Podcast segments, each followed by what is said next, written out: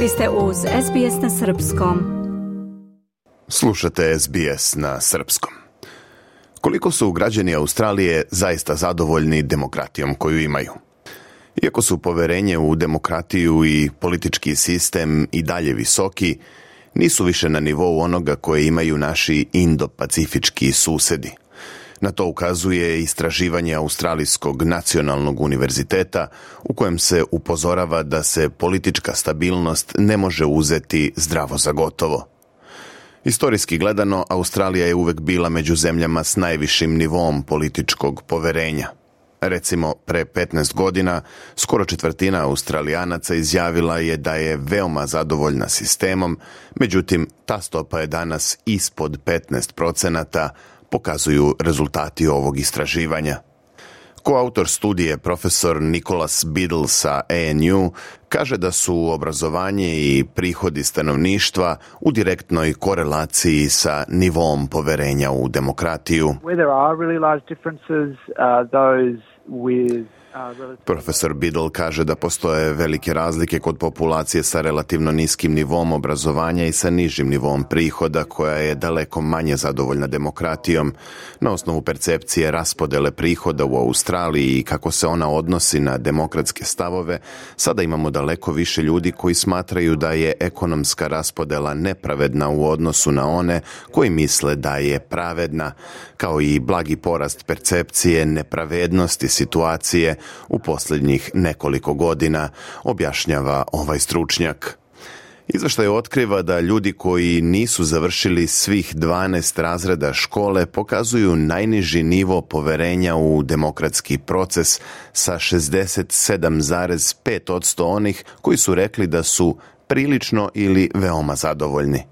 Za razliku od njih, oko četiri petine australijanaca sa univerzitetskom diplomom rekli su da su zadovoljni, dok to poverenje ponovo blago opada među onima sa postdiplomskim studijama. Samo ove godine poverenje građana u vladu palo je sa oko 51% na 48% u periodu između januara i aprila, da bi zatim do avgusta palo još niže, na nešto manje od 44%. U septembru je generalni sekretar Ujedinjenih nacija Antonio Guterres izjavio da demokratije širom sveta moraju da se pozabave nivom poverenja koje narod ima u njih. Even in democratic countries uh, because of uh, Zadovoljstvo opada čak i u demokratskim zemljama zbog dezinformacija, govora mržnje, polarizacije i mnogih drugih aspekata, kaže Guterres. On upozorava da demokratija može biti potkopana iznutra i da su to glavne brige koje imamo. Zato je izuzetno važno boriti se protiv onih koji zloupotrebljavaju svoj autoritet da bi ograničili demokratiju, ali i pozabaviti se osnovnim uzrocima gubitka poverenja. Ovakvoj situaciji doprinose razni faktori, kao što je recimo pandemija koja je imala značajan uticaj na samopouzdanje ljudi a istraživanje instituta Gratan otkriva da su upravo oni s nižim prihodima bili neproporcionalno pogođeni tokom pandemije. Profesor Biddle smatra da je na slabljenje poverenja direktno uticao odgovor australijske vlade na pandemiju. COVID-19 COVID je bio jedan od najvećih šokova koje smo doživjeli i način na koji je vlada reagovalo svakako objašnjava neke od razlika u poverenju. To možemo vidjeti i u Australiji, u vreme kada su u ranoj fazi pandemije stope zaraze bile niske i većina mera javnog zdravlja efikasna, poverenje u vladu je bilo prilično visoko. Ali čim se pojavila neka vrsta indikacija da vlada nije dobro rešila uvođenje vakcine i taj aspekt političkog odgovora na COVID, samopouzdanje kao da je presušilo, kaže Biddle. Pad poverenja u demokratiju i politički sistem stavlja Australiju iza njenih indopacifičkih suseda i sada je na četvrtom mestu posle Vjetnama, Kambođe i Tajvana. Istraživači kažu i da australijski državljani rođeni u inostranstvu pokazuju veći nivo zadovoljstva u poređenju sa ljudima rođenim u Australiji.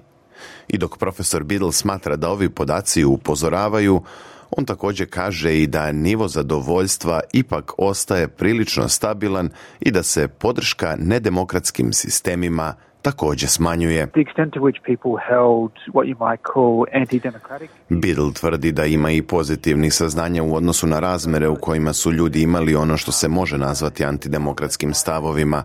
Dakle, u odnosu na region daleko je manje verovatno da će Australijanci smatrati da recimo treba da se otarasimo parlamenta, da bi trebalo da imamo jednu političku partiju, da vojska treba da upravlja državom ili da treba da ukinemo izbore.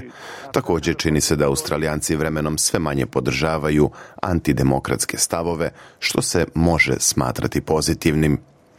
Inače, nalazi ove studije dobijeni su iz tri različite ankete koje se svake godine sprovode na Australijskom nacionalnom univerzitetu, a to su Australijske izborne studije, istraživanje Azijski barometar i ANU Poll, piše Sidney Lang za SBS News. Vi slušate program na srpskom. Ja sam Branko Cvetojević. Dajte like, podelite, komentarišite. Pratite SBS Serbian Facebook profil.